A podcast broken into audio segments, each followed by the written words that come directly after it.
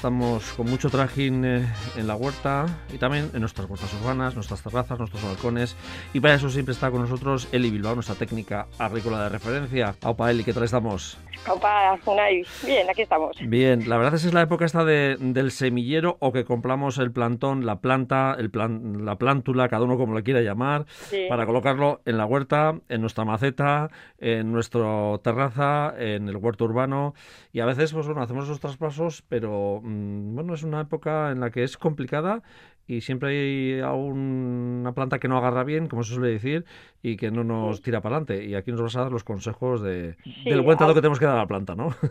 a la gente, sobre todo, que empieza con sus huertos de balcón y que normalmente compra el plantel, tres o cuatro plantitas, pues eh, sí me gustaría darle unos consejos porque hay mucha gente que me dice pues que no le tira, que qué es lo que pasa y normalmente el fallo está precisamente ahí, en cómo se maneja el plantel y qué tipo de plantel compramos cuando vamos a la tienda. E incluso pues cuando nos da un vecino, por ejemplo, que puede tener un semillero, ¿no? Que a veces exactamente, suerte. exactamente. Hay gente que trabaja el plantel a raíz desnuda, que se llama, y lo arranca de la zona donde lo ha estado planta, eh, sembrando y, ha, germinado con la raíz desnuda. Y hay gente que lo hace en tacos, en alveolos o mm, menos profesional en vasitos de yogur, etcétera. Y ya consigue llevarse el, lo que le llamamos el cepellón, el taquito de tierra. Claro, que muchas veces que este es un proceso que es una operación delicada, que mucha gente no le da tanta importancia, porque hacemos también de alguna manera, hacemos como una pausa, ¿no? Eh, hay a, la, planta. sí, la planta ahí sufre lo que se llama la pausa vegetativa, porque claro, tú piensas que la sacas de un entorno y se tiene que adaptar, y sus raíces son muy, muy chiquis, muy pequeñas. Entonces, eh, forzosamente tiene que hacer este parón. Por eso es importante conservar, por un lado, al máximo eh, las raicillas y por otro lado la tierra que va adherida a esas raicillas. Y hago hincapié en esto porque hay gente que cuando hace a raíz desnuda, esto es cuando saca de una zona donde ha, ha hecho como una semilla a voleo y la saca, tiende a retirar, a sacudir esa raíz para llevársela desnuda. Y es mejor que conserve esta pizca de tierra que se le queda en la raíz y cuando llevamos el cepellón, pues hay que seguir una serie de pautas también para que conserve el máximo de taco de, tierra fijada a la raíz. Luego veces también está el golpe también, digo, de pasar de, de un invernadero o un semillero que está plastificado, que está a una temperatura más adecuada, a que lo sacamos a la calle, depende cómo sea este mes, ¿no? Sí. también lo nota la planta, ¿no? Pero bueno, ahí va más o menos va tirando si, si seguimos bien los consejos, ¿no? Es que lo, lo ideal es, pues, si la planta está más o menos, ahora os diré cómo se, en qué tamaño se tiene que trasplantar esa planta, pero lo ideal es, si tenemos, por ejemplo, el semillero para estos huertos de balcón, que lo tenemos en la cocina o lo hemos hecho en un mini invernadero con una botella de agua, etcétera, es que lo vayamos adaptando en las horas centrales, esto lo teníamos que haber hecho pues a finales de abril, pero bueno, ahora lo vamos adaptando. Lo vamos dejando unas horas cerca de la zona donde va a ir, del, donde le vamos a, a trasplantar, para que se vaya adaptando. Y cuando llega el momento del trasplante, dos o tres días antes, no regar. Sobre todo esto que tenemos en tacos, en yogures, no regar. De tal manera que la raíz se aprieta, el, la propia tierra, el propio sustrato se aprieta también junto a la raíz, es más fácil sacarla y conserva el máximo de tierra, de sustrato pegado a las raíces.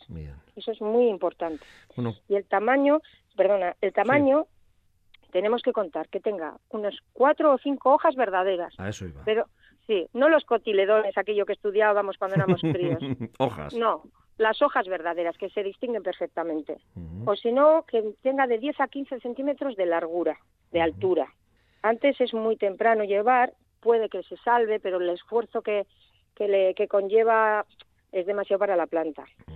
El trasplante también es eh, importante, ¿no? Un poco como lo de no regar a plena cuando más pega el sol, ¿no? Eh, intentar eh, que sean las horas más normales. Sí. que también es un poco, estamos en primavera y es un poco más variable también la temperatura, depende Sí, pero es, es, aplicar un poco la lógica. Si hemos mm. dicho que cuando trasplantamos nuestra plantita todavía sus raíces no tienen esa capacidad de expandirse y de empezar a beber, pues claro, si encima lo hacemos en las horas centrales del día, que ya notamos que hasta los días que salen fuleros la temperatura sube, pues la planta empieza a sudar, necesita beber y resulta que sus, sus raicillas tardan tres o cuatro días o cinco en adaptarse, todavía no puede beber. Entonces es mejor hacerlo a final de la tarde y mejor un día que veamos que está nubladete para que no pase calor. Y después, después del trasplante, eso sí, hay que regar abundantemente. Ese primer día, según hacemos el trasplante, abundantemente. Importante. Y luego, si luego vas manteniendo siempre el sustrato húmedo, no encharcado, pero sí húmedo, porque ya te digo que la planta al principio hasta que arraiga, le, mejor tener el agua cerca. Sí, eso sí es verdad. Claro, luego también está a la hora de, bueno, cuando uno saca de su semillero, bueno, si vienes con el cepillón, pues bueno, tal cual viene, tac, y meterlo, ¿no? Si lo arrancamos de, de, nuestro semillero propio, ese es el proceso que decías, lo de un poco lo de, eh, de no sacudirlo e incluso mantener esa tierra. Sí, si no se consigue generar un taco, es cuando hacemos nuestro semillero, pues en una tarrina de yogur o lo que sea, o cuando hacemos, por ejemplo, con las con, con la siembra boleo, por ejemplo, de, de las zanahorias y tal, que lo que tú vas es sacando Claro, pues eh, normalmente te quedas con la planta, con las raicillas con, limpias o con muy poca tierra. Y hay gente que encima quita esa poca tierra que queda ahí pegada. Y eso nunca hay que hacer. Bien, perfecto.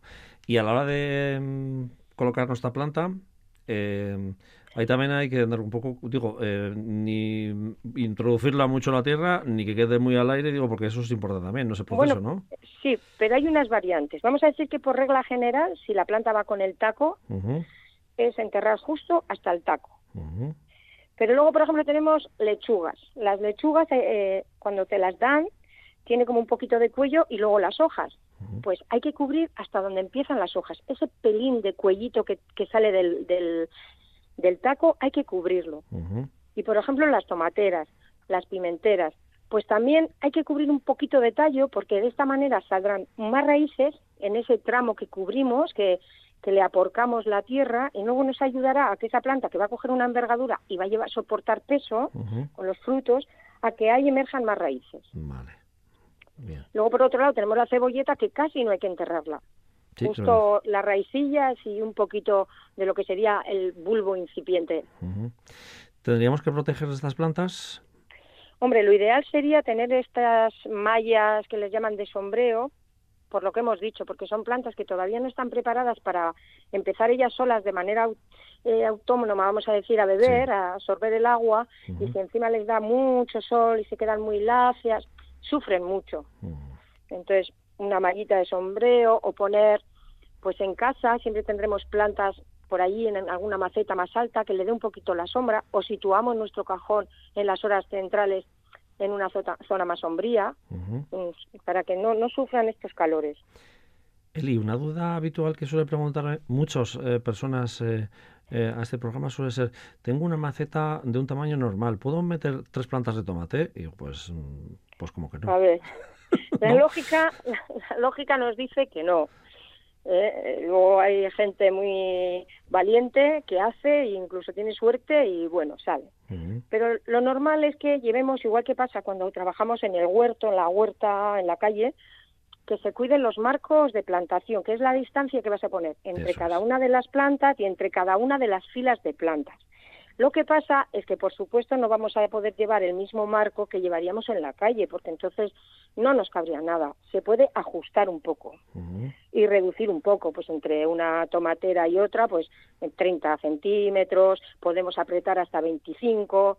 De todas maneras, empieza a vender plantel, que hemos comentado en alguna otra ocasión, enano específico para trabajar en huertos urbanos. Sí, verdad. Pero sí, sí le tienes que dejar su espacio porque la raíz también por abajo necesita su espacio para comer, eh, necesitamos que circule el aire para que no haya tanta humedad justo abajo en la zona de, del suelo con las primeras líneas de hojas y se nos generen hongos. Necesitamos también hacer esto, pues espacio al final. Vale.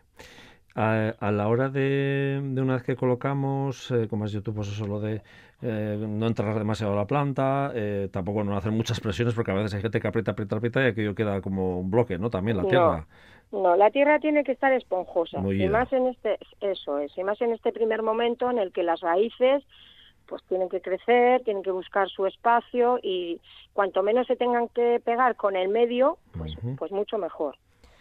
Y, y para aprovechar esos espacios, porque hay gente que me dice, jolín, Eli, pero claro, en mi mesa de cultivo de la, terraza, claro, en una mesa si solo puedo poner cuatro plantas de tomate o bueno, pero puedes meter entre medio de las dos tomateras una planta más pequeña que no te va a ocupar el espacio aéreo, que las raíces va a crecer menos.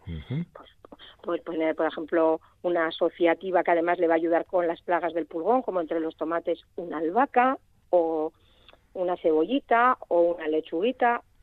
Esto sí se puede hacer. Combinar. ¿no? De alguna manera. Sí, se llaman las asociaciones de cultivos. Eso es. Eh, lo que pasa que en la huerta grande pues eh, em, se ve de otra manera, ¿no? Y en la huerta pequeñita pues hay que amoldarlo a la situación y al espacio que tenemos, ¿no?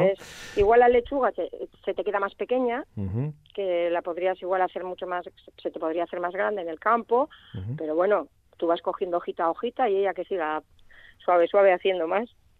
Tendríamos que acolchar un poco la tierra, por ya no es la época de los fríos, pero no sé, acolcharlo. Sí, sí, sí, mira, el acolchado en el clima atlántico, que es el que nos corresponde a nosotros por nuestra situación en la cornosa cantábrica, eh, es como de obligado cumplimiento y sobre todo si eh, trabajas en ecológico. Acolchado de materia orgánica, paja, corteza de pino, o cartón, sin tintas, así cortadito. Que eso nos da terrazas más, más fácil porque no, tiene, no necesitas grandes cantidades, con un poquito ya. Sí, pero hoy en día ya en las tiendas eh, te venden rollitos muy pequeños de paja también, ¿eh? porque se han dado cuenta que se está demandando. eh, ¿qué, ¿Qué problema hay? Que si, por ejemplo, yo voy a cultivar empiezo mi cultivo, empiezo este trasplante muy temprano, en eh, a mediados de, abril, pues si estuviésemos en la huerta, yo te diría, todavía no acolches, porque se tiene que calentar la tierra de todo el invierno. Pero, por ejemplo, nosotros en casa, que la cantidad de tierra que hay en ese contenedor es mínima y estando en la época que estamos, hay que acolchar. Bien. Lo único que dejaría, haría como un poco de hueco y, no acolcharía sería en el supuesto caso que metiese cebolleta, ahora porque es época, o ajo. También lo puedo poner en una maceta aparte y es así, no regar casi y no acolchar. Vale, pero el resto sí. sí. Los clásicos, sobre todo tomate, pimiento, que son un poco los, más habituales, ¿no? Mira, nos va a ayudar a regar menos. También, Las noches le va a proteger del cambio de temperatura. Se va a ir descomponiendo y nos va a mantener un suelo enriquecido. O sea que perfecto.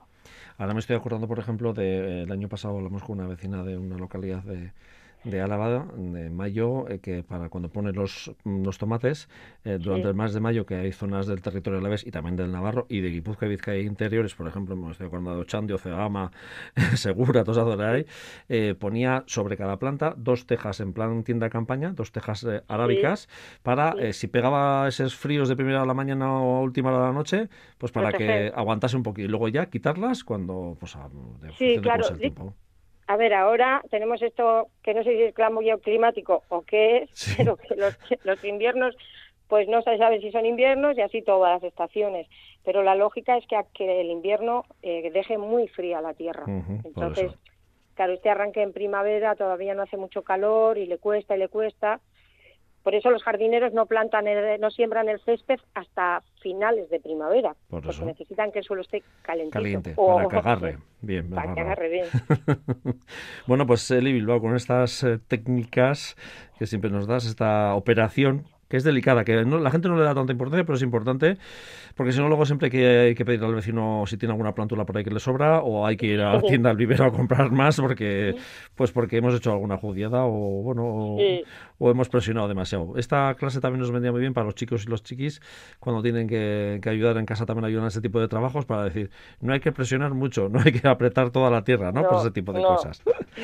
bueno, pues Eli Bilbao, técnica agrícola, es que recasco por estos consejos eh, de estos trasplantes. Pues es que muchas gracias, Eli. Agur,